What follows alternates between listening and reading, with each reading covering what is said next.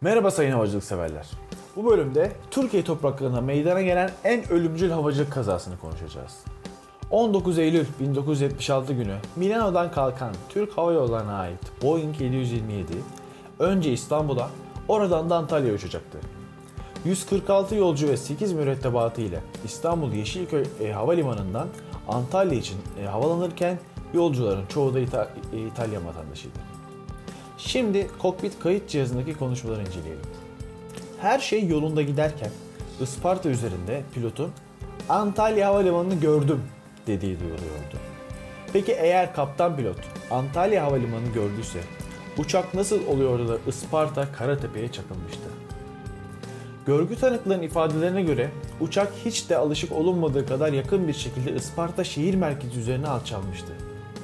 Şehir merkezinin üzerindeyken de motorlara tam güç verip tekrar yükselmeye çalışılmıştı ama maalesef çok geçti.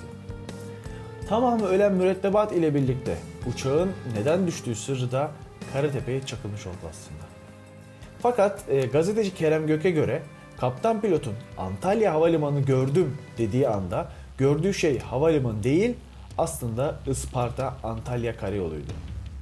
Kaptan pilot işinde tecrübeli bir pilot olmasına rağmen gece saat 23.00'da gecenin zifiri karanlığında muhtemelen Antalya Havalimanı yerine karayoluna alçalmıştı.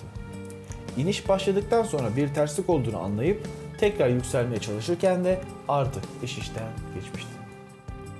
İçindeki tüm yolcular ve mürettebatın yaşamı Isparta Karatepe'de sona ermişti. Aslında bu kazayı incelemedim, kaza sonrası yaşananlar.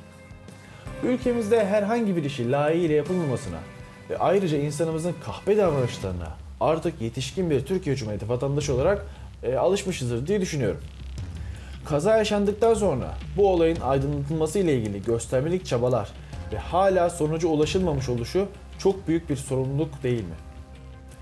Kaza yapılan alana gelen, ölen ya da ağır yaralı yolcuların değerli eşyalarını çalan, mücevherlerini çalmak için uzuvlarını kesen Isparta halkına söyleyecek bir çift lafımız yok mu? Hem işini düzgün yapmayan görevliler hem de o bilezikler, yüzükler için kolları, parmakları kesen insanlar bugün hala aramızda yaşıyorlar. Üzüldüğüm yanda tam olarak bu. Bu bölümü de bu kazada yaşamını yitiren masum insanlara adıyorum. Ülkemiz topraklarında yaşamlarına veda eden İtalyan kardeşlerimize de başsağlığı diliyorum. Son yolcunun göksünü yapanların bir dahaki bölümünde görüşmek üzere.